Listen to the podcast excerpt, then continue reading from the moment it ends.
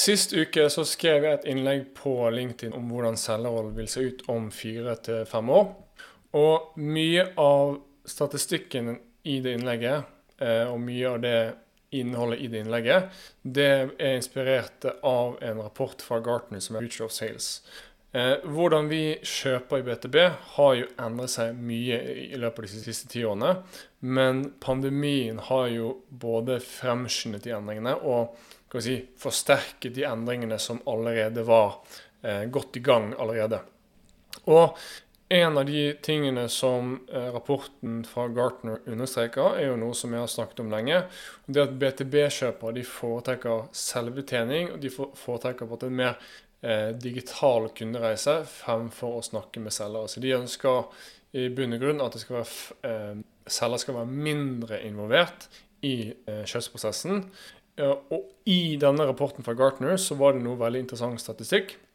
Så Gartner har spurt eh, nesten 100, 810 000 personer.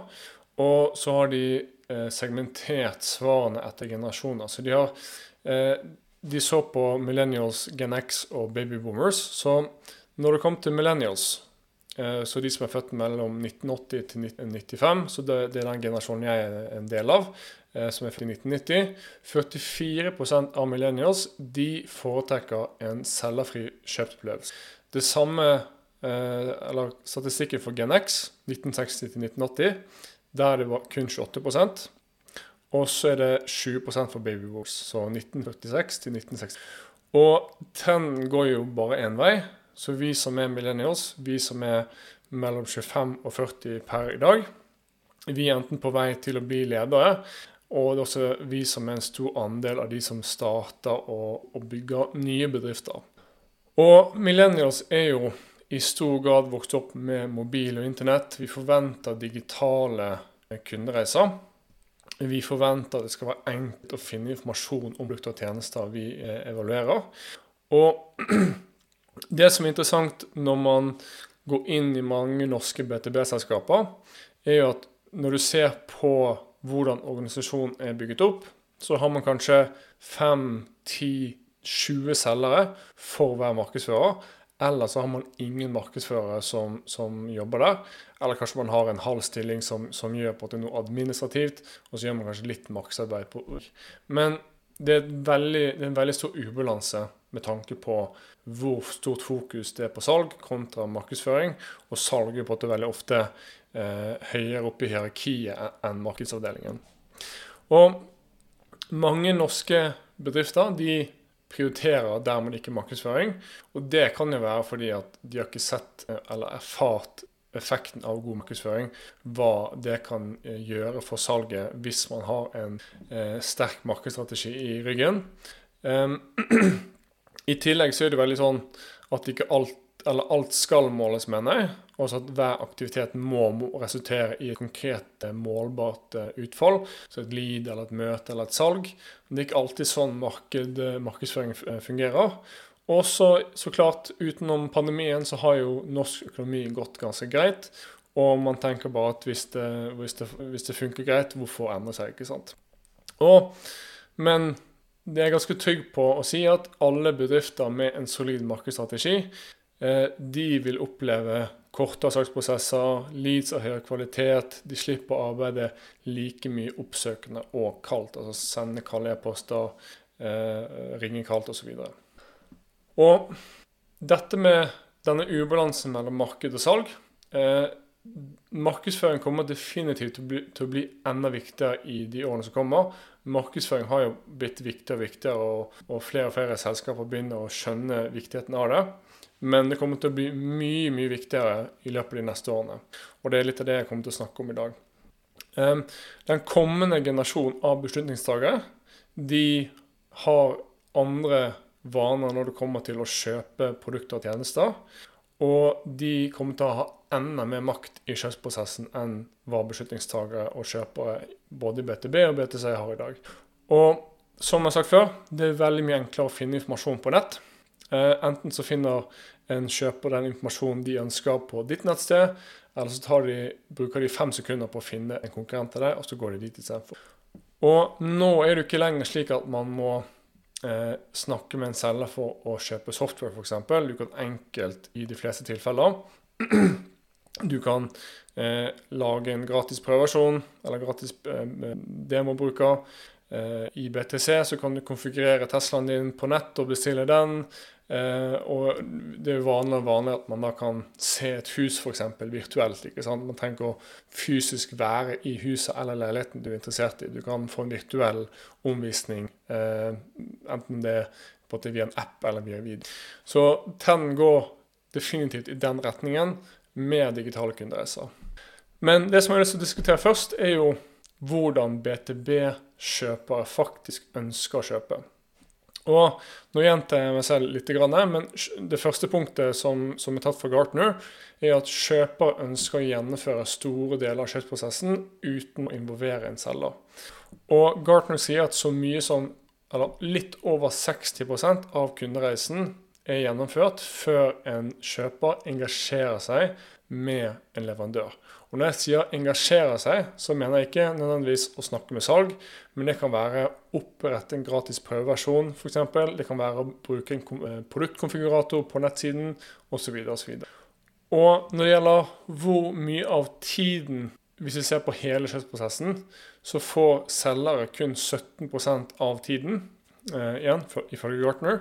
17% til å snakke med potensielle leverandører brukes av kjøpere. Men siden en BTB-kjøper, eller et BTB-selskap, de snakker med flere leverandører, så får hver enkeltselger kun 5% av den totale tiden som blir, eh, som blir brukt. Så selgere har med andre ord færre og færre muligheter til å påvirke kjøpsbeslutningen.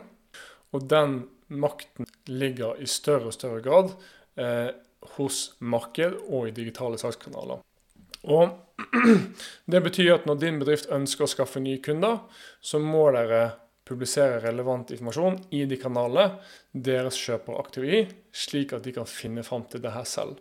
Så istedenfor å tvinge så å si, kjøper til å booke et møte og snakke med salg, så kan man ta mye av den informasjonen, eller man bør ta den informasjonen man ellers formidler i et møte, og så formidle den informasjonen på LinkedIn, på nettsiden og på andre måter. Deretter, punkt nummer to, kjøper ønsker rike digitale kjøpsopplevelser. Og dette er relatert til den kundeopplevelsen vi har i BTC kontra BTB. Så det er vel ingen hemmelighet at eh, BTB henger langt etter BTB når det gjelder kundeopplevelser. Eh, og her har jo BTC satt standarden i veldig, veldig mange år. Hvis vi tenker på BTC-selskaper som Spotify, Netflix, Oda, eh, Tesla eller Amazon, de har ekstremt gode, enkle, strømlinjeformede kundeopplevelser som gjør det utrolig enkelt for oss å kjøpe. Um, så vi får det enklere, raskere, billigere enn vi hadde, enn vi, enn vi hadde fått det før. Og dette skaper jo en forventning i BTB vi er jo alle eh, vi er alle forbrukere når vi ikke er på jobb. Og vi sammenligner naturligvis de opplevelsene vi har i BTC, eh, med opplevelsene vi har i BTB. Og siden kjøpere ønsker i større grad å gjennomføre kjøpsprosessen selv, så blir markedsavdelingens oppgave å få en kjøper så langt i deres kundereise før de må snakke med en selger. Eh, men kjøper vil jo forvente at det blir enklere for dem å kjøpe innenfor, innenfor BTB. At de kan gå på din nettside. De kan få en prøveversjon av produktet ditt hvis du selger software. Eh, det kan være at du har en BTB-nettbutikk. Så hvis du har eh, fysiske produkter, så kan de kjøpe direkte via din nettside.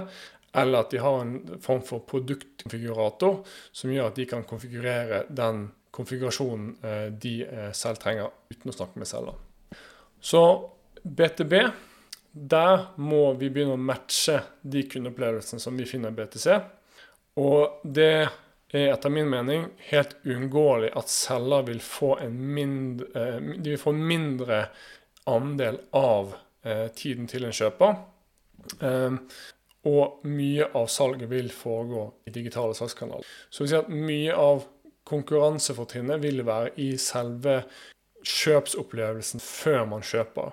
Så det er ofte det som kan være konkurransefortrinnet til mange selskaper i fremtiden. At du gjør det så enkelt som mulig å, å, å kjøpe fra deg. Det tredje punktet fra Gartner er at beslutningstagere er bare delvis involvert i kjøpsprosessen. Eh, kjøpsprosessen i dag er, eh, er, mye mer komplisert enn bare for noen få år siden. Det er flere personer enn beslutningstakeren, altså om det er daglig leder eller en avdelingsleder, som er involvert i kjøpsprosessen. Så hvis et selskap skal kjøpe eh, la oss si, en ny software-løsning, så må gjerne IT være involvert, for de er opptatt av eh, sikkerhet, integrasjoner, kanskje pga. GDPR. Eh, CFO-en er opptatt av betalingsvilkår, avkastning og den type ting. Også sluttbruker de er opptatt av å vite at de funksjonene og deres behov er dekket av denne løsningen. Og ifølge Gartner så vil jo ofte beslutningstagere starte, og så vil de avslutte kjøpsprosessen.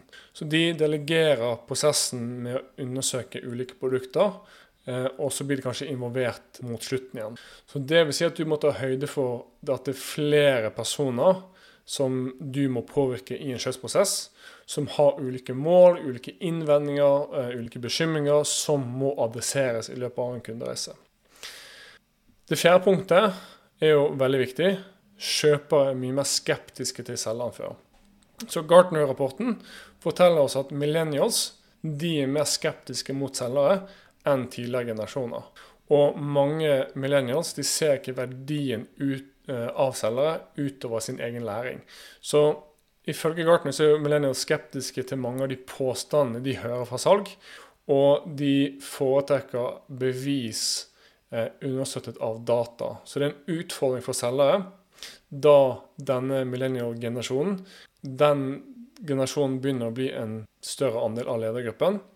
Og man antar dette fordi at eh, millennials er mer komfortable, og langt mer komfortable, med å undersøke et produkt eller selskap på egen hånd, og at de, på en stoler på sin egen evne til å finne fram informasjon selv. Og Gartner forventer at 80% av alle interaksjoner mellom leverandør og selger vil foregå digitalt i løpet av eh, innen 2025, så det er fire år ca. Og kjøper har jo tilgang til mye informasjon. Informasjon av høy kvalitet. Eh, og det finnes ekstreme mengder med eh, artikler, webinarer, videoer, podkast som lar kjøpere finne fram til den informasjonen de trenger selv. Og det som kompliserer eh, bildet, konkurransebildet for en selger, er at mye av den researchen som kjøper gjør i dag, det, også, det foregår også i kanaler som på en måte ikke man har tilgang til. Og da mener jeg f.eks. Slack-grupper, Facebook-grupper, eh, på LinkedIn og den type ting. Folk stoler mer på sine eh, kollegaer og bransjekollegaer. Og her er det veldig vanskelig for salg å påvirke. Så for å ta meg som et eksempel. Eh, jeg lagde en liste for en stund siden der jeg så over ok, hvordan, eh, hvordan kjøpte jeg eh, ulike BTB-produkter og tjenester. Da kjøpte jeg en designtjeneste så den koster eh, Det blir vel ganske mange tusenlapper i året. Da fikk jeg en anbefaling i Slack av en kollega i en, eh, en, Slack-gruppe for byråer. Videohosting, så det er også software, koster ca. 45 000 i året. Um, der fikk jeg en anbefaling fra en annen partner som også driver et byrå. Uh, redigeringssoftware for lyd og bilde. Det er også en anbefaling på LinkedIn. Jeg har kjøpt en analyseverktøy for LinkedIn, så jeg ønsker å se antall visninger, antall, eh, hvor mye engasjement jeg får på LinkedIn og den type ting. Da hørte jeg om det på en podkast. Eh, prosjektstyringssoftware, da fikk jeg en anbefaling på en Facebook-gruppe. Og så har jeg kjøpt en rekke ulike kurs fra personer som jeg følger på LinkedIn. Så forrige gangen jeg kjøpte noe via en eh, frankalt telefon, det var i 2016. Så det er fem år siden. Um, og nå er jeg bare én person. Men eh, jeg tror det er sant for veldig mange, eh, er at oppmerksomheten til kjøper er rettet mot digitale salgskanaler, og så stenger man de litt mer irriterende kanalene ute. Det femte punktet er at rutineoppgaver selger gjør i dag, det vil automatiseres bort. Så hvis vi tenker på mange av de eh, oppgavene som selgere gjør i dag, så handler det om prospektering, sende kalde e-poster, eh, ringe kalde telefoner, generere leads, booke møter og gjennomføre møter. Men kjøper er veldig lite glad i å motta kalde e-poster og bli ringt til og få voicemails og den type ting. Eh, og som jeg sa i forrige punkt, kjøper har sin oppmerksomhet rettet mot sosiale medier. Så for å ta meg igjen som et eksempel. Jeg har min mobiltelefon på flymodus ca. halve dagen fra fram til tolv, for jeg ønsker ikke å bli forstyrret. Eh, ellers så blir jeg ofte nedringt av eh, personer som skal selge ulike ting. Og så får jeg en rekke upersonaliserte e-poster. Eh, de blir slettet hvis jeg ser at det er bare en blokk av tekst. Og det som du kommer til å se mer og mer av, og det, det, denne endringen er egentlig allerede her på veldig mange måter, det er kanskje bare ikke så utbredt, men det er at mange av rutineoppgavene som selger gjør i dag, de begynner å bli automatisert. Så hvis vi, hvis vi tar prospektering Det som er typisk for mange selgere, de, de har en Excel-liste og så sitter de og prospekterer manuelt. Men nå, allerede nå har vi jo løsninger som Binu, vi har Strice, vi Ocean.io, som gjør denne prospekteringsjobben langt billigere og raskere, ikke minst, eh, for, for selgere. Når det kommer til e-poster, så det, det, er jo veldig vanlig at selgere bruker mye av sin tid på å gjennomføre eh, kalde e-postkampanjer.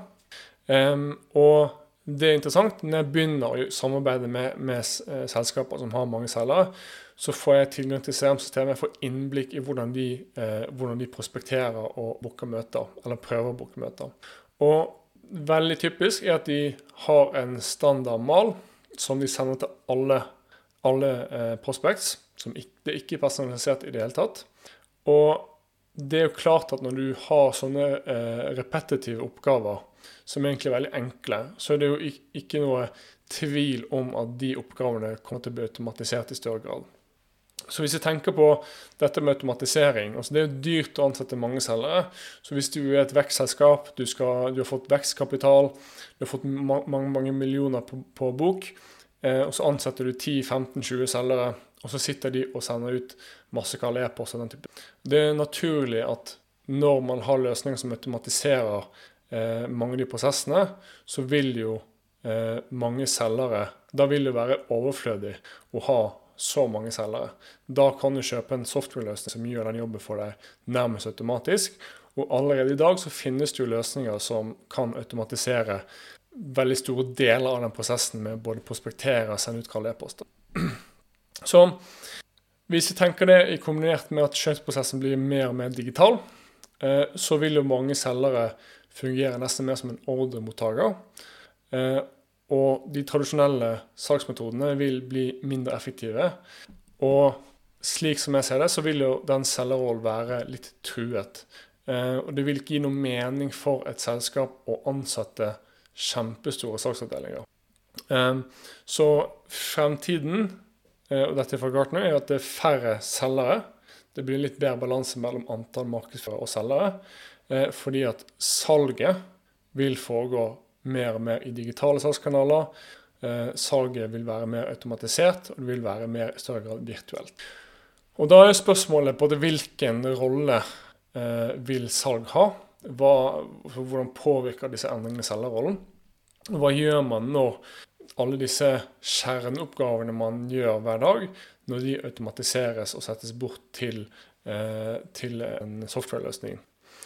Eh, og hva gjør en selger når du kan konfigurere og kjøpe et produkt på nett, eller opprette en gratis prøveversjon, eh, og du får en automatisert onboarding-prosess uten å snakke med en selger. For da trenger man ikke 5-10-20 selgere for å vinne nye kunder. Men det som selger har mye av, det er at de har utrolig mye kompetanse om produktet eller tjenesten som de selger. Og dette kan jo ikke automatiseres av kunstig intelligens. Og kunnskapen en selger har om problemet til kjøperen, om produktet eller om tjenesten, den er utrolig verdifull. Og jeg mener det at de beste selgerne i dag og årene fremover, de må bli gode markedsførere. Ehm, fremtidens selger vil jo langt, eh, være langt bedre på å lage innhold, organisk innhold for digitale kanaler. Så igjen, millennials sitter ikke og venter på voicemails, inmails eh, på LinkedIn eller kalde telefoner. Der, altså, Oppmerksomheten er rettet mot LinkedIn, mot uh, YouTube, uh, til og med TikTok. Uh, vi ser det at aldersgruppene som er på TikTok, er, flytter seg i større og større grad til at det er flere og flere som er den millennial-generasjonen. Så istedenfor at selgere, at du ansetter 5-10-20 selgere som skal ringe 50-100 eh, telefoner eller e-poster hver dag, så bruker de sin fagkompetanse til å lage organisk innhold for de kanalene som kjøperne, som målgruppen deres, er aktive i. Og sluttresultat er jo at kunder tar kontakt istedenfor at selger må ringe disse 100 personene for å få et møte eller to som kanskje ikke er kjempekvalifisert. Eh, da kommer det istedenfor kvalifiserte og utdannede eh, innkomne leads som er faktisk interessert i. Så hvis man tenker gjennom okay, hva slags informasjon er det våre kjøpere lurer på, så hva er de interessert i, og hva slags type format, hva slags type innhold er jeg god på å lage. Så LinkedIn er jo et utrolig bra eh, kanal for, for selger i dag. Så hvis du får en følgerbase på LinkedIn som en selger, så kan du generere mer eh, synlighet, mer engasjement, enn hva en liten markedsavdeling kan klare med en eh, annonsekampanje på Facebook eller, eller Google Ads, hva den skal være. Så det er en utrolig bra kanal for selskaper som ønsker å generere Eller for en, for en selger som ønsker på å, å, å, ta litt kontroll over sin egen skjebne og, og, og begynne å generere incoming leads via sin LinkedIn-profil. Det kan være YouTube, at man tar eh, spørsmål som man får ofte fra kjøpere, og så kan du lage video av det eh, på YouTube. Eh, vi er jo partner med Vidyard, som er en sånn løsning for å ta opp og hoste videoer. Og det vi anbefaler kunder til å gjøre, er at man spiller inn Man har forhåndsinnspilte videoer som svarer på spørsmål, som man kan sende til et prospect i en saksprosess. Så slipper man å svare på samme spørsmål igjen og igjen. Eh, eller så kan det være TikTok. Jeg har ikke så mye erfaring med TikTok selv, men jeg er ganske sikker på at det kommer til å bli en plattform som kommer til å være eh, veldig aktuell for mange BTB-selskaper om neste årene. Men det som å tenke på, uavhengig av hvilken kanal du eh, faktisk eh, benytter deg av Hvis du bygger opp en følgerbase som selger, så kan den følgerbasen følge deg fra, eh, fra arbeidsplass til arbeidsplass. Og det vil jo ha en enorm verdi for en potensiell arbeidsgiver, for da har du muligheten til å eh, oppnå ekstremt mye synlighet og generere masse påmeldinger til et webinar eller et fokusseminar eller hva det skal være, fordi du har den følgebasen. Fordi folk stoler på deg, de følger deg fordi du gir ut bra informasjon på veldig basis.